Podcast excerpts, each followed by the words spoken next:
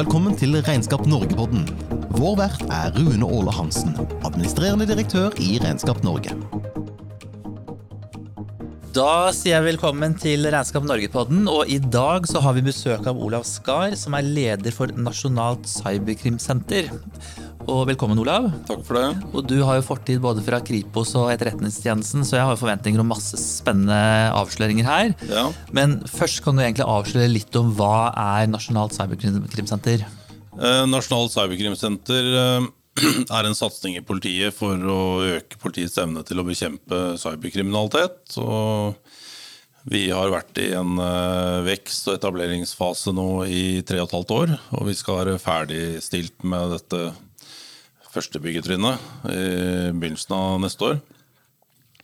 Så vi har eh, Ved årsskiftet så er vi sånn eh, mellom 150 og 160 ansatte. Så vi har ansatt mange i løpet av kort tid. Eh, Og vi har fått tak i mye bra folk. Så vi har jo bygd et, et sett med, med evner som vi mener vi trenger å ha for å bidra til kriminalitetsbekjempelsen. Um, både selvstendig, altså Kripos kan jo ta egne saker, og vi, vi tar jo saker for å øke vår kompetanse. Um, for uh, vi, må jo, vi må jo være med, altså vi må jo gjøre det for at vi skal fortsatt være relevant, ikke bare bistå, men hovedinnsatsen vår skal gå til å bistå politidistrikt, andre særorgan og ja, samfunnet, myndigheter for øvrig. Det det er kanskje litt, litt ledende fra, fra meg nå, men jeg må bare spørre hvorfor denne satsingen? Ja, Det var for liten eh, kapasitet. Det var for få eh, kapabiliteter. Det var på høy tid å, å gjøre en slik satsing, og det var jo en beslutning som ble fattet av politiet.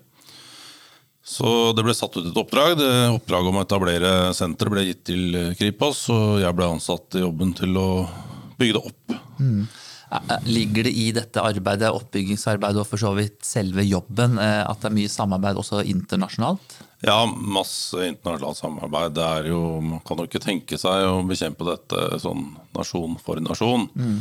Så dette, er en, en, dette innebærer en utvidelse av det internasjonale samarbeidet. Enda tettere samarbeid, og tettere samarbeid i sak. Vi har jo en vi har vel samlet denne uken 40 etterforskere på, på Kripos fra ti forskjellige land som jobber sammen i, i eh, noe som heter Opp Fifth Element, som er da den internasjonale gruppen av etterforskninger som, hvor eh, vår etterforskning oppå dette er etterforskningen av Hydro-saken. Så dette det er eh, effektivt samarbeid. Det er eh, hva skal vi si, Det er mye kompetanseutvikling, kompetansebygging. Eh, Cybercrime pure, eller den rene form for cyberkriminalitet, er vanskelig å etterforske. Det syns eh, alle land.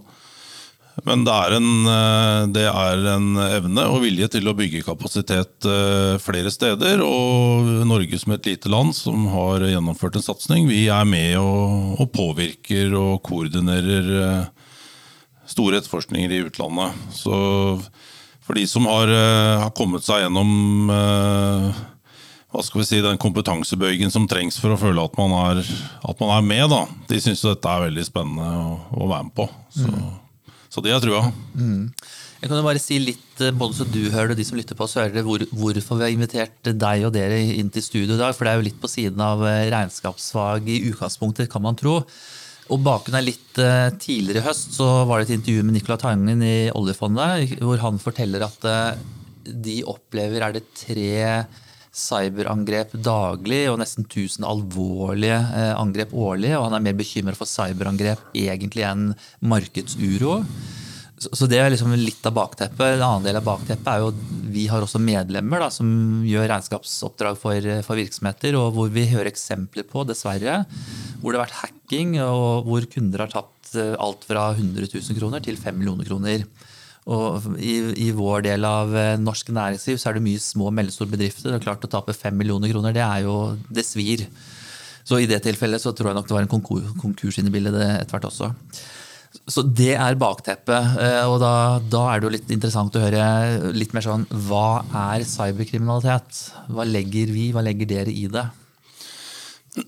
Ja, altså eh, Vi kan jo eh, dele, dele inn i tre. Altså eh, Internett og, og IT-teknologi. Det påvirker eh, eh, kriminaliteten og, og derigjennom samfunnet langs tre akser. Den første aksen er at vi får nye kriminalitetsformer.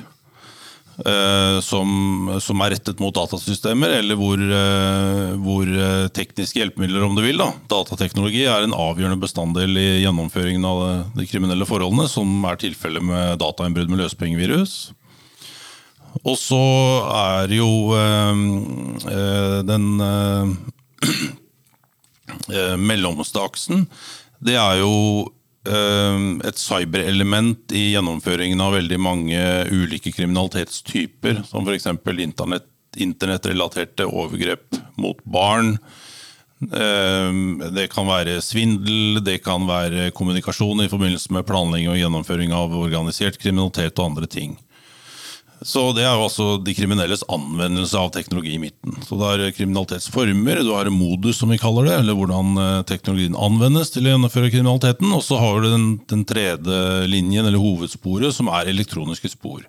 For Alt og alle legger igjen elektroniske spor. Eh, det er eh, krevende å trenge gjennom beskyttelsesmekanismer og få tak i sporene, men, men vi er ganske gode på det. Og da kommer man igjennom, så får man tak i i spor og bevis, og ofte avgjørende bevis i straffesaker. Så dette gir oss også, denne teknologien gir oss også store muligheter. Men, jeg, jeg, det er så mye å ta tak i, så jeg hopper litt sånn fram og tilbake. Men ja. apropos det med å sant, få tak i personopplysninger, eller spor, da, eh, så vil jeg tro eh, at personvern er en utfordring. da. Eh, personvernregelverket regelverket, det skal beskytte enkeltpersoner, ikke sant? men jeg vil jo tippe at det skaper utfordringer for jobben dere gjør? Eh, altså, jeg vil heller si at det er, en, det er en del av jobben. Vi har jo dedikerte personvernjurister på Kripos som jobber sammen med utviklingsmiljøene. og De trer også inn i, i gjennomføringer av uh, informasjonsinnhenting når vi skal anskaffe nye verktøy, når vi skal lage databehandleravtaler uh, som gjør at vi kan begynne å ta i bruk nye verktøy. Så dette er noe vi har med oss i, i alle ledd, og det, jo, det, må jo være sånn. Vi må, vi må passe på at vi at vi gjør et. Eh, og samtidig så, så sier vi ifra hvis vi møter en eller annen skranke som gjør at, eh, at vi, vi, trenger å se på ting på nytt, eller at vi føler at ikke vi ikke får gjort jobben vår. Og Dette er en pågående sak, og det kommer det til å være i mange år framover. Og det er naturlig. da. Dette er et hensyn vi må ta i tillegg til andre ting. Mm. Men én ting er da sånn innledningsvis hva cyberkriminalitet er, men hvem er disse kjeltringene, da? Er, er, de, er de er det de gamle kjeltringene som er blitt smarte, eller er det nye kjeltringer, eller hva er det for noe?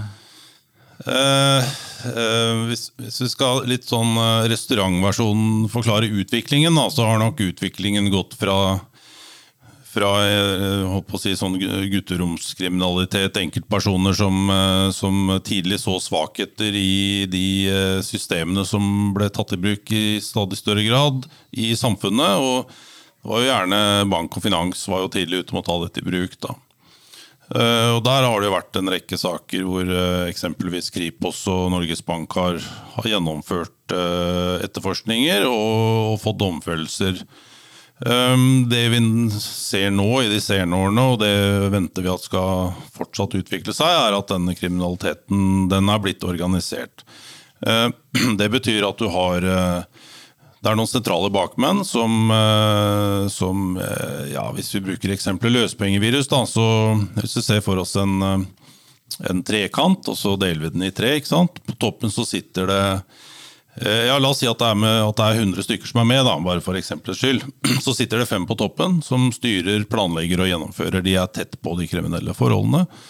Og så er det et fasiliteringssjikt i midten som sørger for å fremskaffe den infrastruktur som er nødvendig for å gjennomføre et dataangrep, og som yter service og tjenester som man gjør i en hvilken som helst bedrift, egentlig.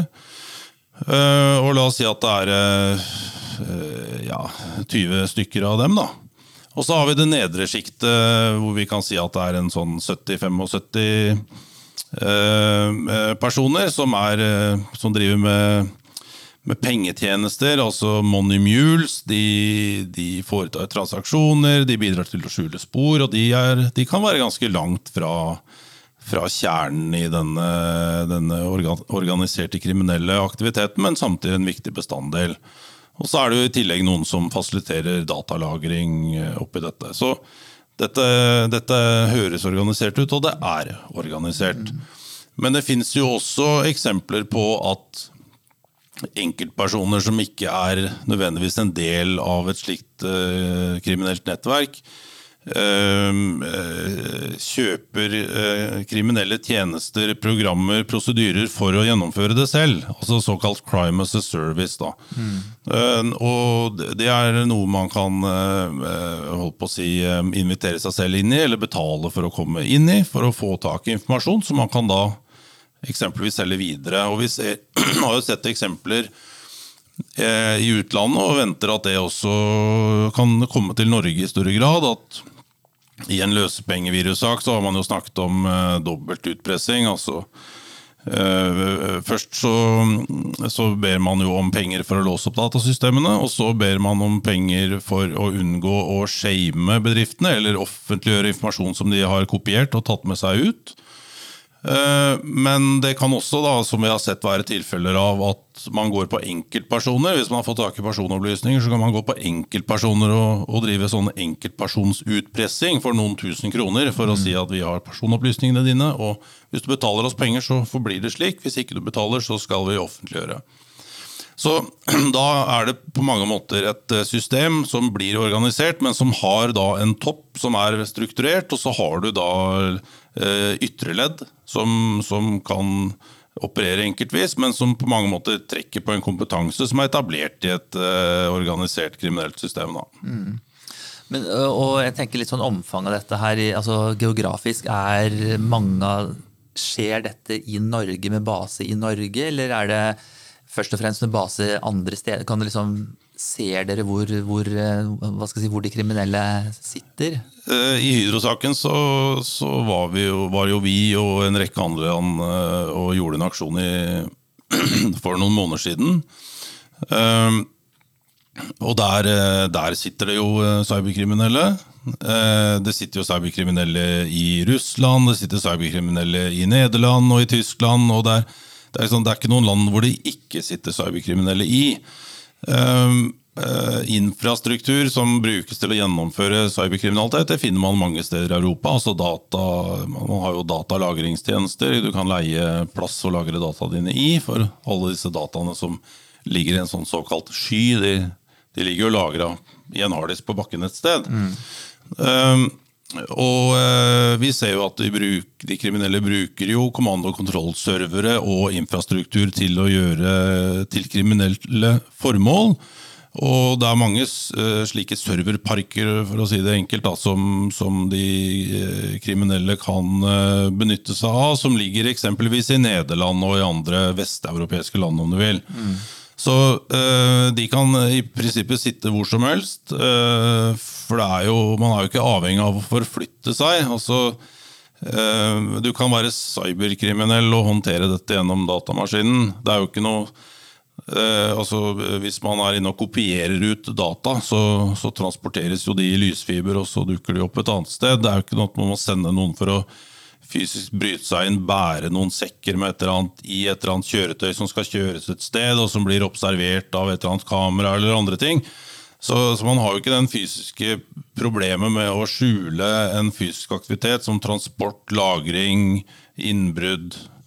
Um, og det gjør det jo eh, potent. Da. Det, det, det, gjør jo at oppdagelsesrisikoen i utgangspunktet er lavere, fordi at man ikke trenger å flytte på så mange biter som blir sett av mange. Mm.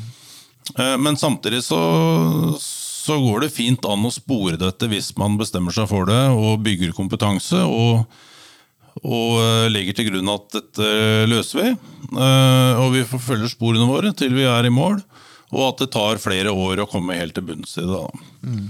Ja, jeg sitter og tenker litt, og vi skal komme litt tilbake til råd og tips, og litt sånt nå, men, men, nettopp det at det er digitalt, det er som sier oppe i skyen eh, Hvordan er det dere går fram for å spore da? Altså de, disse digitale elektroniske sporene? Hvor lett er de å finne? Hvordan, kan du si litt om hvordan dere gjør, hvordan man jobber med det? Um, altså, det er, eh, altså, hvis en sak blir anmeldt til politiet, eller politiet blir kontaktet, så går vi jo på åstedet. Og vi finner jo, vi finner jo spor av de kriminelles aktivitet i, i, nettverket. Og Det er et startpunkt. Så forfølger vi det sporet, da. Så følger vi informasjonen. ok, Den har gått derfra til dit. og så Hvis det da er eh, i et, annet, et annet land, sant, så kontakter vi de politimyndighetene og så spør vi har dere noe har dere noen indikasjoner på noe av det samme skadevaren, eller har dere sett denne type aktivitet i noen saker som dere etterforsker? Og så er det jo sånn at Norge er et, eh, et eh, svært, eh, er svært godt utviklet teknologisk. da. Et av verdens mest digitaliserte samfunn, som vi liker å si. Men vi er samtidig et lite land. Eh, så siden eh, altså det initielle for eh, de organiserte cyberkriminelle er å gå så bredt ut som mulig for å finne veier inn så mange steder som mulig for å kunne vurdere om det er verdt å gå videre med, så, så rammes jo Norge i mindre grad enn i andre land hvor det bor flere mennesker. sånn at sjansen for at det fins spor inn mot, mot den, den, samme kriminelle aktiviteten i andre lands etterforskninger, den er stor. Og det ser vi. Vi får som regel treff når, vi, når, vi, følger eh, sporene og snakker med våre utenlandske kollegaer. Og så ruller egentlig saken videre derfra. Da kan man eh, gjennom samarbeid med eksempelvis Nederland kan man ta beslag i en eh, kommandokontrollserver. Så kan man gå gjennom innholdet der, så finner man flere spor. Mm. Ja, apropos sant, Norge, hvor, stort er dette omfanget i Norge eh, sammenlignet med annen kriminalitet? Altså det, Ehm, eh, cyberkriminalitet går, eh, går, kraftig opp, eller eksponentielt opp. Altså en, en, kraftig økning, og all annen type kriminalitet går ned. Eh, samtidig så er jo eh, hoveddelen av politiets ressurser hvis man ser veldig enkelt på det, er jo knyttet opp i å bekjempe de tradisjonelle kriminalitetsformene.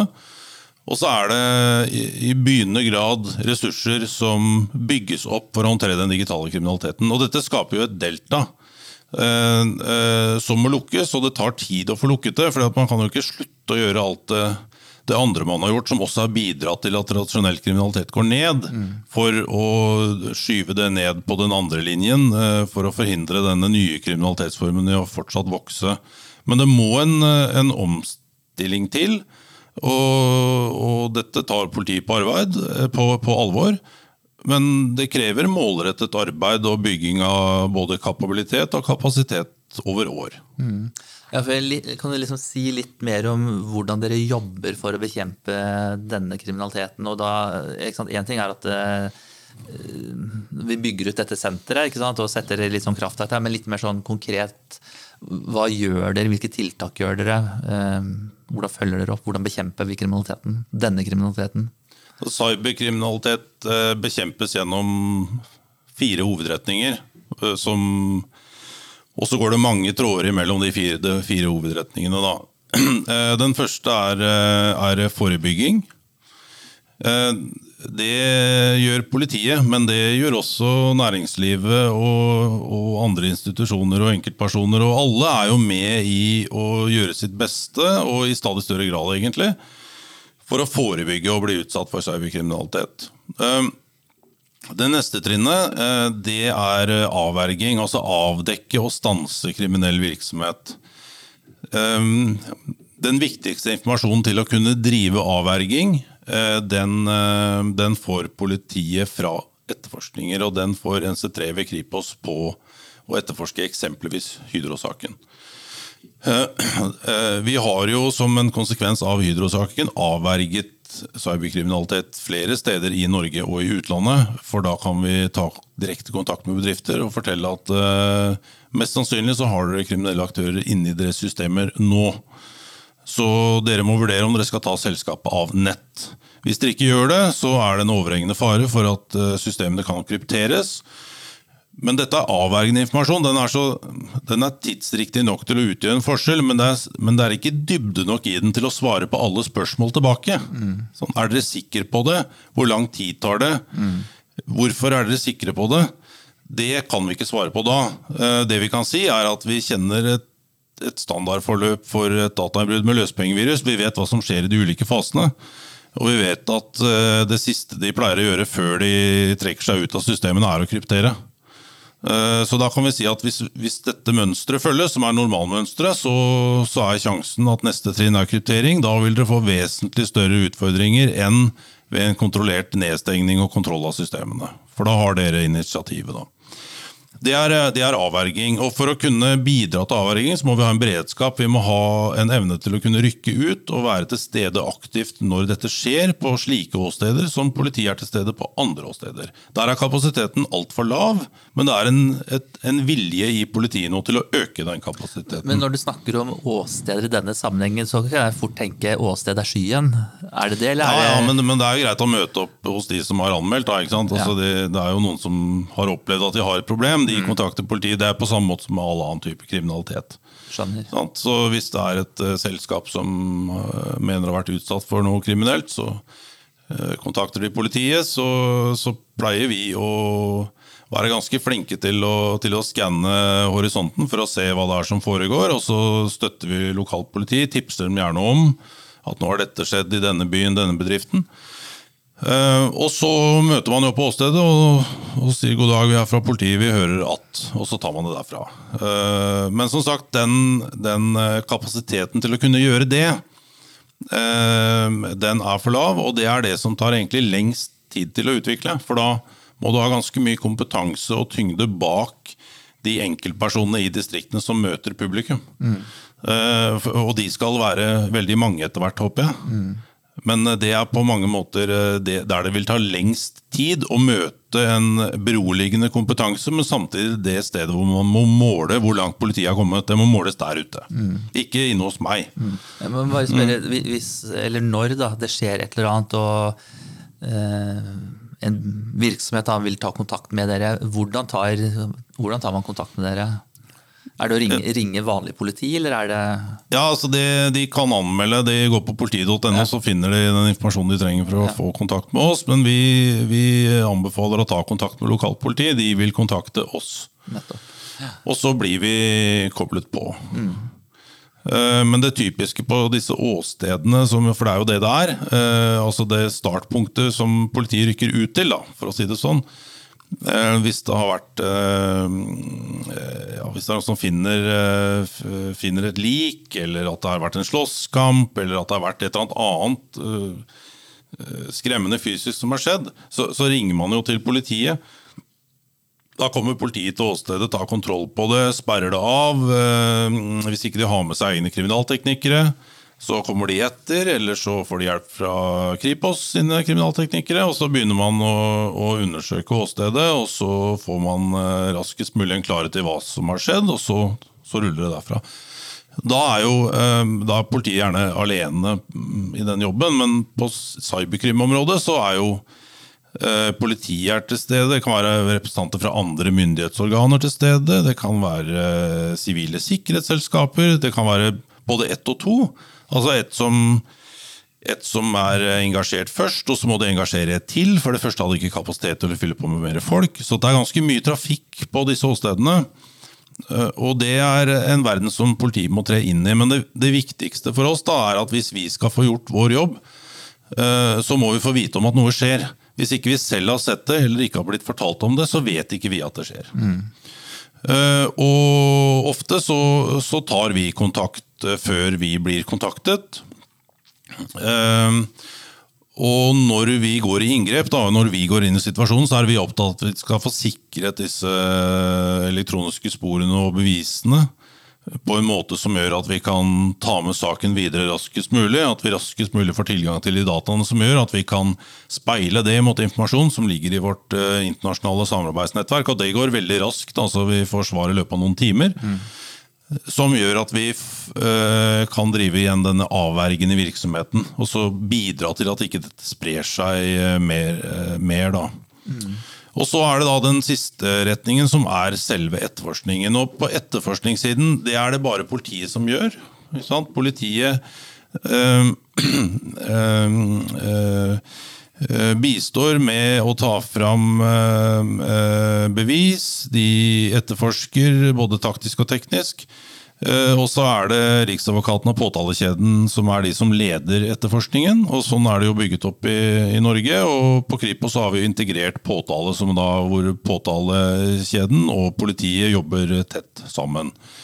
Eh, så når vi blir koblet på, så er det, det er en gevinst eh, altså Det er jo sjelden en gevinst å hente sånn det skal mye til hvis vi kommer til et sted hvor noe allerede har skjedd, ikke sant? Og, så, og så blir vi fortalt at det har skjedd. Da, da har det skjedd. Mm.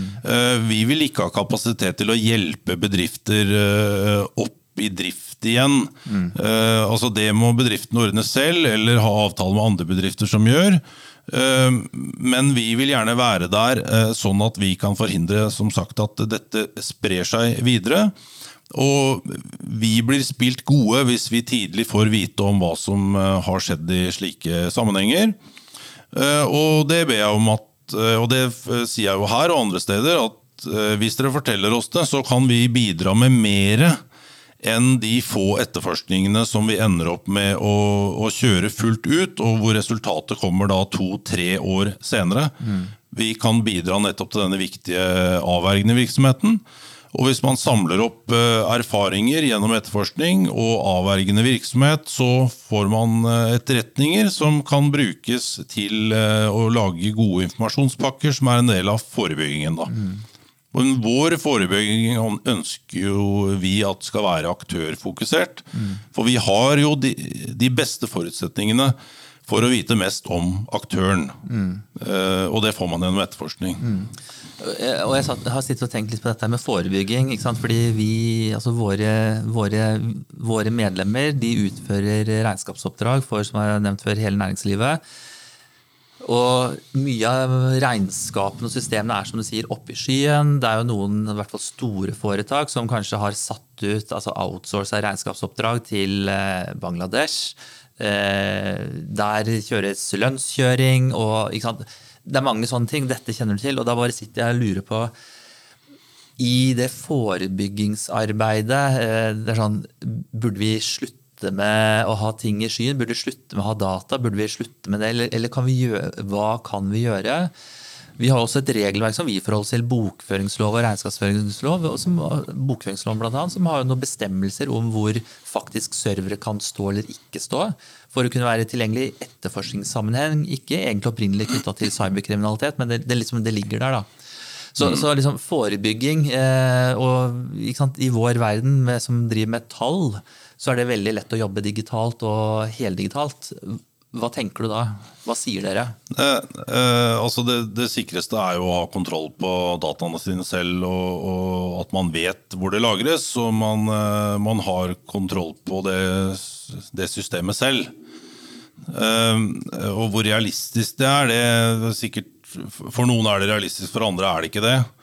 Eh, og hvis man da velger å bruke skytjenester, de blir jo også stadig sikrere. men men da har man jo på mange måter eh, overlatt eh, datatrafikken sin til andre, og man får en tjeneste tilbake. Og det, det gir jo nødvendigvis flere innganger. Og det, det er altfor vanskelig å, å, si hvor mye farligere det blir, eller hvor går disse grensesnittene. Men, men jo videre kontaktflate om du vil, da, du har på databehandlingen din, jo større er jo risikoen for at noen kan finne en vei inn. Mm. Eh, og i store selskaper som har eh, de har et sett med datasystemer. Eh, det kan hende at de er litt ulike i, i alle de landene hvor de har sine 50 000 eller 100 000 ansatte. Så, så, skjer det jo en, eh, en organisasjonsendring eller en, en, fusjon. altså At man slår sammen nye selskaper. Da er det enda flere systemer som skal flette sammen. og, og Det er ofte vanskelig å få det opp og gå til praktisk bruk i utgangspunktet. Og enda vanskeligere å få det til at det blir eh, ordentlig sikret. Særlig hvis man tenker at man skal sikre det i ettertid. Mm. Det, er, det, det vil nok hjelpe å tenke gjennomgående at vi skal være et sikkert selskap, akkurat som vi skal være et lønnsomt selskap eller levere god kvalitet. Altså, jeg tror man må tenke mm, eh, jeg tror de fleste tenker at de er et teknologiselskap på en eller annen måte i dag, eller kanskje i større grad enn før i hvert fall.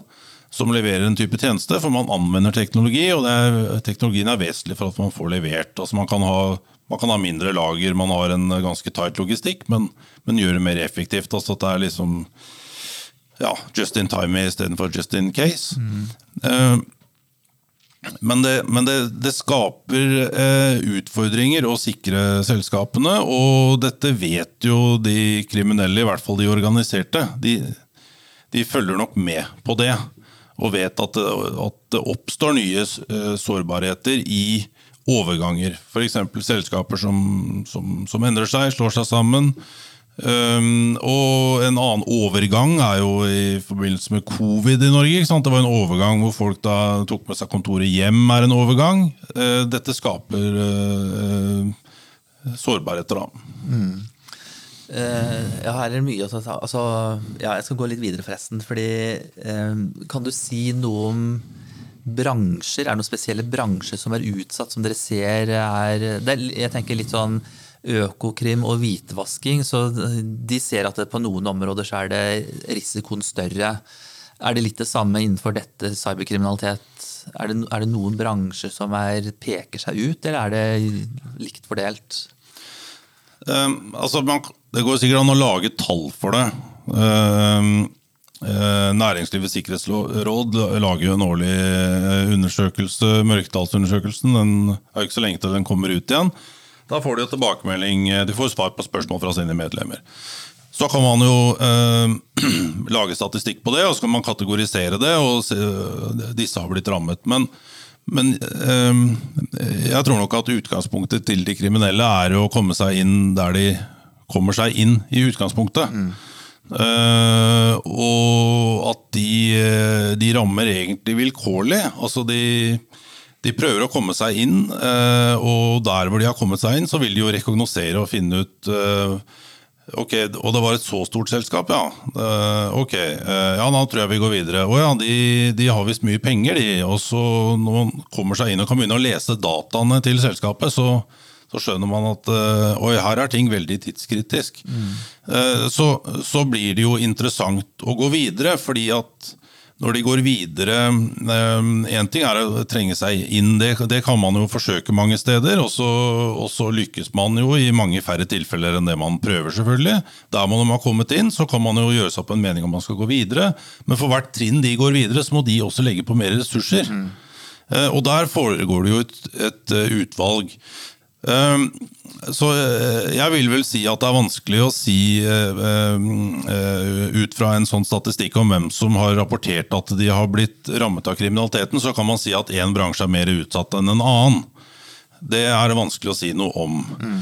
Men vi ser jo at de eksempelvis altså Regnskapssvindel treffer jo typisk regnskapsbyråer. Mm. Fakturasvindel eh, treffer sikkert de som sender fakturaer til hverandre og sørger for eh, betaling. Eh, og det har vi jo Det så vi jo her ja, For noen måneder siden så, så, gjorde vi jo en aksjon i, i samarbeid med, med Økokrim. For vi, vi fant jo at Doffin-portalen, altså med utgangspunkt i informasjon i Doffin-portalen, så var det kriminelle aktører som gikk inn i kommunikasjonen. Og, og for å gjøre en lang historie kort, ender opp med å få endret fakturainformasjon og endret kontonummer som det skal betales til. Og så er det de som får pengene istedenfor uh, staten, uh, for å si det enkelt. da. Staten har så mye penger, vet du. Ja, ja. ja, ja og så, uh, og så fant vi jo et mønster der. Økokrim har jo etterforskningen for dette området. Det vi gjorde, da, var at vi vi bygde et slags situasjonsbilde, og så, så gikk vi ut med en advarsel da, om at dere må være oppmerksom på følgende forhold.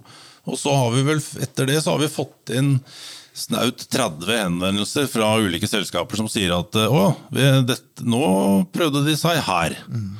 Og, og, det er en, en, type forebyggende virksomhet, men, men det er langt det er jo virkemidler som vi kan bruke, men det er jo langt derfra derfra til å putte det inn i en statistikk og si at regnskapsbransjen er spesielt utsatt. Mm, Ja, ja. Det, jeg, jeg tenker sånn, det er godt å høre at regnskapsbransjen ikke er spesielt utsatt, men så hører jeg samtidig at det her er, vi må egentlig alle sammen følge med. Ja, alle må følge med. Og, og det er litt sånn spørsmålet, hva, hva er kjennetegn, altså hva er det man kan se etter da, eh, der ute i næringslivet når, når, eh, for å være, hva er det som kjennetegner cyberkriminalitet? Er, er liksom, kan man, hvordan kan man lese at noe er, i ferd, er med å skje?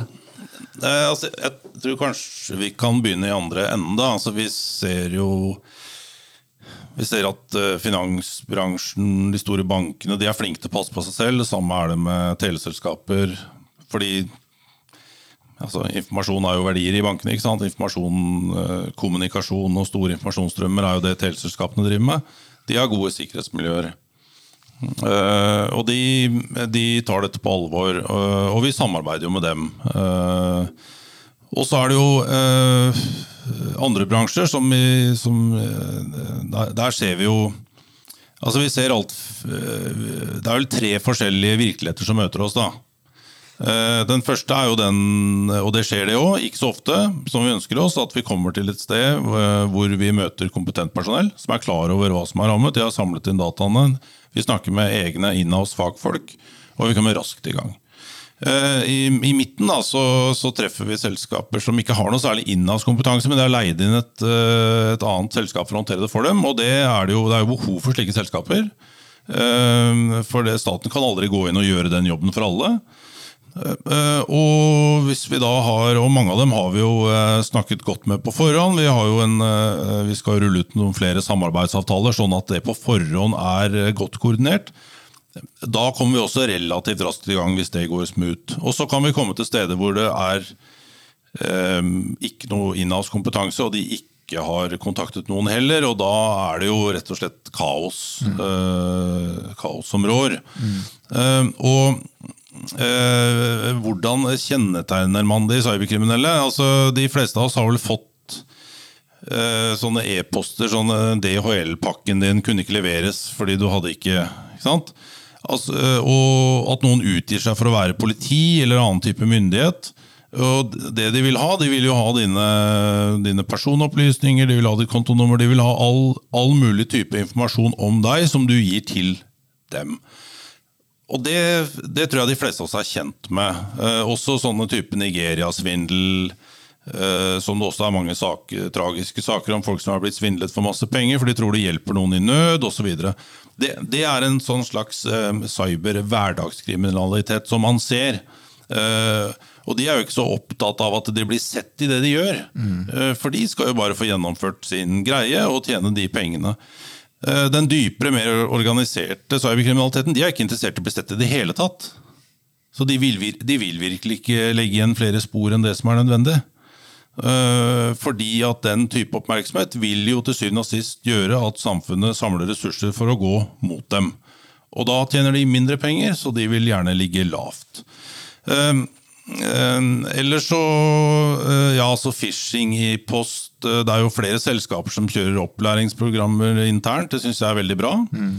Eh, og at de blir mer oppmerksomme, og at man blir testet. da Man sender ut noen e-poster og ser hvem som klikker, og så kommer det tilbakemelding. Det er jo sånn som kan bringe mm, oppmerksomheten opp, at man blir litt mer skjerpet. Eh, og at det også på, gjennom datamaskinen og mobiltelefonen din er ting du må passe deg for, som det er når du skal sykle eller kjøre bil til og fra jobb om morgenen. Eh, og det er jo ting som vi er, Dette er jo et stress, uh, altså en sånn risiko uh, som vi har vent oss til å leve i, som vi ikke kanskje tenker så mye om. Men vi tenker veldig mye på hvorfor må vi være så opptatt av sikkerhet innenfor dette området også. Det tror jeg folk tar inn etter hvert, og kanskje senker skuldrene sine litt. da. Um, eh, Å finne de cyberkriminelle når de er inne og, og driver sånn eh, sideveis og opp- og nedbevegelser inne i datasystemene. Det er også mulig å se det, men det krever jo uh, dedikert kompetanse for å se det. Men, men man, altså, alt som foregår i et datasystem, eh, eh, kan man jo finne informasjon om. For det, det ligger jo i systemet. Ja. Jeg må bare spørre litt Apropos bransjer igjen. Og for nå tenker jeg ikke lenger bransjer, det har vi hørt at det er ikke noe som peker seg ut. Men det jeg lurer på, igjen, det er jo norsk næringsliv. 99% av norsk næringsliv er små og mellomstore bedrifter. 95% er mikrobedrifter, altså under ti ansatte. Går det an å si noe om eh, Jeg sitter i hodet mitt og tenker at eh, de som vil ha de store pengene, går på de store selskapene.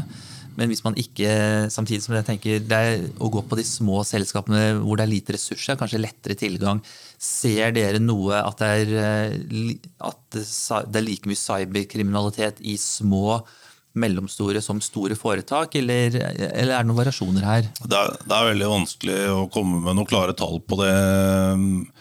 Eh, og litt av årsaken til at det er fortsatt veldig store mørketall på, mm. på hvor mye av dette som faktisk blir rapportert. Mm. Men, men, jeg tenker kanskje hovedpoenget er at man må ta inn over seg at det er en klar og overhengende fare for å bli utsatt for cyberkriminalitet. Om man er et stort, eh, mellomstort eller lite selskap. Uh, og så kan man jo tenke seg da, at et stort selskap som har ressurser til å bygge en robust sikkerhetsorganisasjon og er godt rustet når angrepet kommer, de de vil slå rekorden ved å jage dem ut igjen av systemene. og Denne gangen så kommer vi opp i løpet av bare noen uker eller noen måneder. Forrige gang var vi nede et år. Mm. Godt jobbet. Neste gang de kommer, så kommer de ikke engang inn. Mm.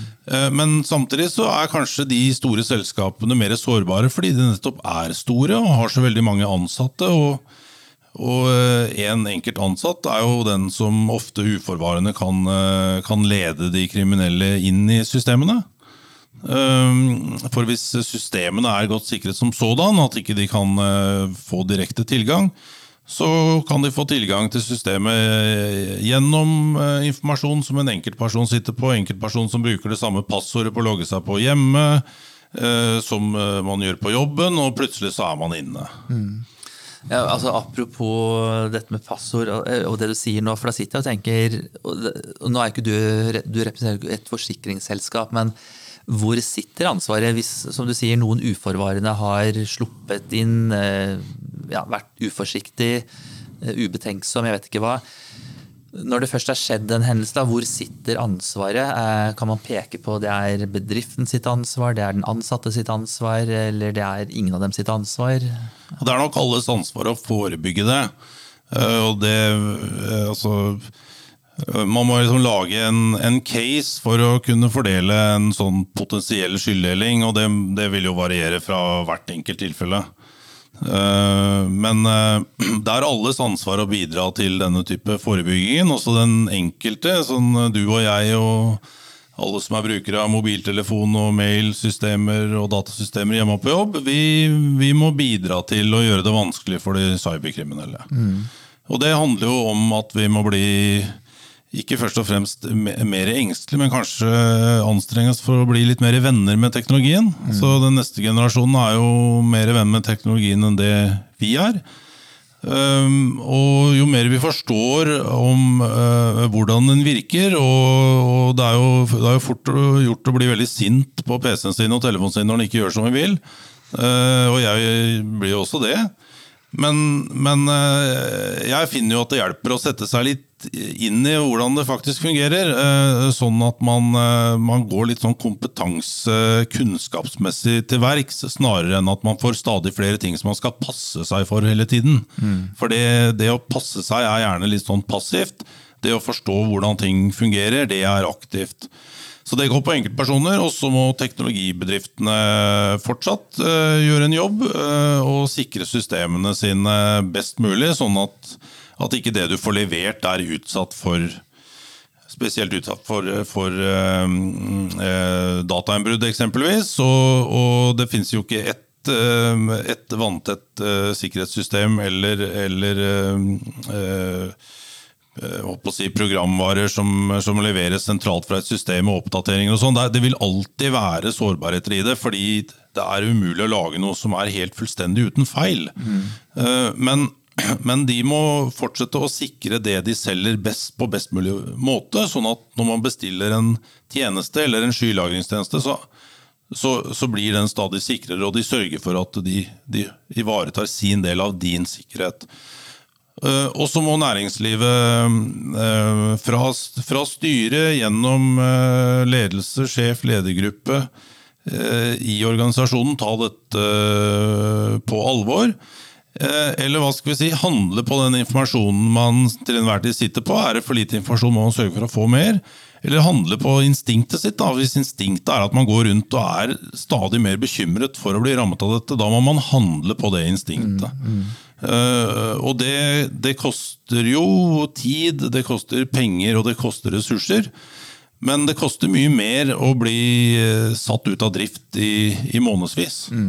Uh, ja. ja. jeg tenker Det er ganske viktig dette her, liksom, hvordan forebygge. Eh, hvordan redusere risiko. Kan du ikke fjerne den helt, som du sier. Men hvis du skal, kan du være mer konkret til de da som sitter og hører på nå, som er regnskapsforetak. både hvordan, Hva kan de gjøre, hva kan de råde sine kunder til næringslivet? Har du litt sånn, litt sånn skritt for skritt anbefaling? Dette kan være lurt å gjøre, eller disse trinna kan være lurt å gå for å nettopp forebygge, redusere risiko i denne sammenheng? Ja, altså, jeg veit ikke om jeg har en sånn gullstandard som er, som er klar, men, men eh, det, vi kan jo starte med kompetanse.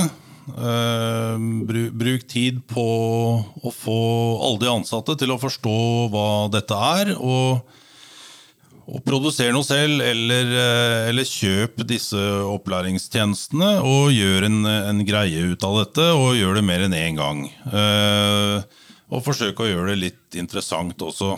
Eh, at det kan være litt sånn konkurranse om hvem som har unngått. og og eh, opptre på en sånn måte sånn at det ikke blir cyberskam hos de som var den som gjorde feil.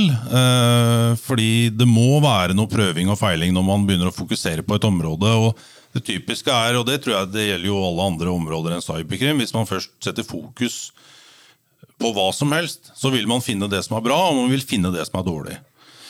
Ehm, og så ehm, må man eh, ha kompetanse i, bedriften, og jeg kan komme litt tilbake til eh, liksom sånne små, mellomstore og store bedrifter. da, men men man må ha kompetanse i bedriften eh, på dette, og så må man bestemme seg for hvor mye er det man skal eie av det selv.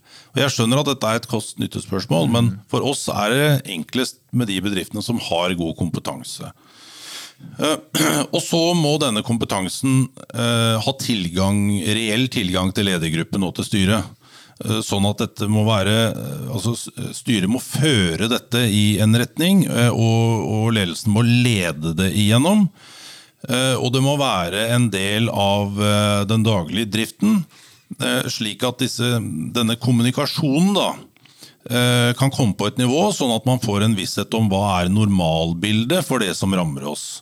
Og Det er jo det du startet med det innledende eksempelet. ikke sant? At ø, oljefondet eller ut, ø, Statens pensjonsfond utland kan vise til så og så mange angrepsforsøk. Ehm, og er, Da har du jo eh, ressurser som gjør at de kan følge med på situasjonsbildet. Eh, og det er jo svært nyttig. Eh, at bedriftene selv eller kjøper tjenester som kan følge med på situasjonsbildet. For når man har fulgt det over tid, så kommer man egentlig til neste nivå. Det er at man kan se avvik fra normal. Da. Og når du får avvik fra normal, så kan du iverksette tiltak. Da er kjeden klar over at uh, dette er en trussel. Vi har et system, vi får uh, jevnlige rapporter. Og nå fikk vi høre om at mot normalt så har nå dette skjedd. Da er det mye enklere å iverksette tiltak raskt. Mm. Men hvis man skal begynne å finne IT-sjefen, uh, kalle han inn på kontoret, og, uh, eller at IT-sjefen da plutselig ringer, som han ikke pleier å gjøre til sjefen for selskapet, og sier at nå, nå er 101 ute, vi må gjøre sånn og slik. Da blir det som regel ikke så veldig effektiv verken kommunikasjon eller beslutninger eller handlinger i de kritiske første timene. Mm. Så det må inn som en del eh, av eh, driften. Og så får man jo eh, etter hvert da,